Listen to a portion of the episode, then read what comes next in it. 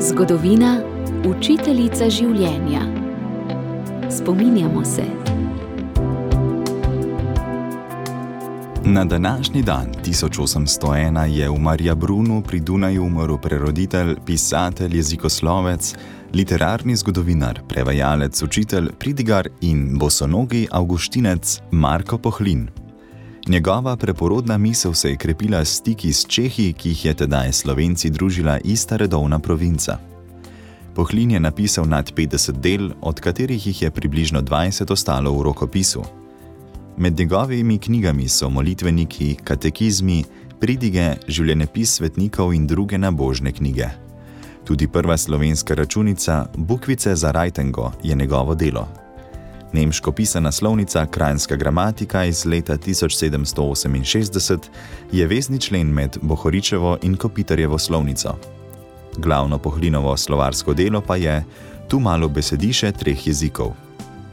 4. februarja 1816 se je na Trojanah rodil šolnik, urednik in politik Valentin Konšek. Med drugim je v celju leta 1848 začel izdajati celske slovenske novine. Leta 1928 se je v Lepeni pri železni kapli rodil pesnik Valentin Polanšek. Izdal je pesniške zbirke Grape in Sence, Karantanske, Cinček, Lipov Bogec in druge. 4. februarja 1934 so slovesno odprli tako imenovano Mamutsko skakalnico v Planici.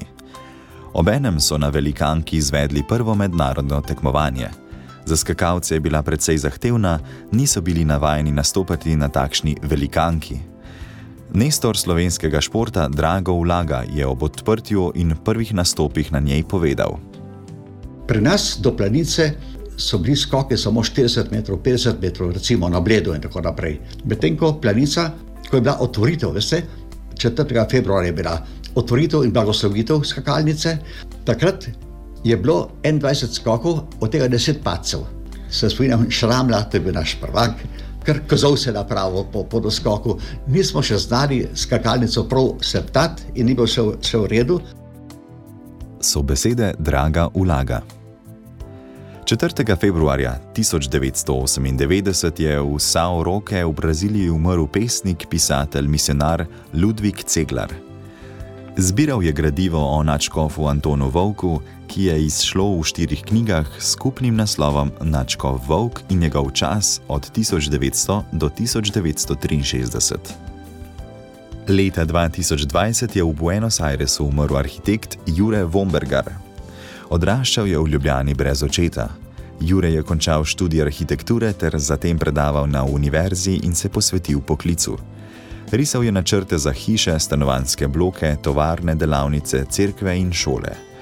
Jure Vombergar je pustil umetniško sled v notranji opremi cerkva Marije Pomagaj v slovenski hiši in Marije Kraljice v slovenski vasi. Tam je z Marjanom Ajlecom načrtoval gradnjo župnijske šole, misijonskega zavoda, doma svetega Vincencija in hladnikovega doma. Spomine za današnji dan je zbral in uredil Tone Gorjub.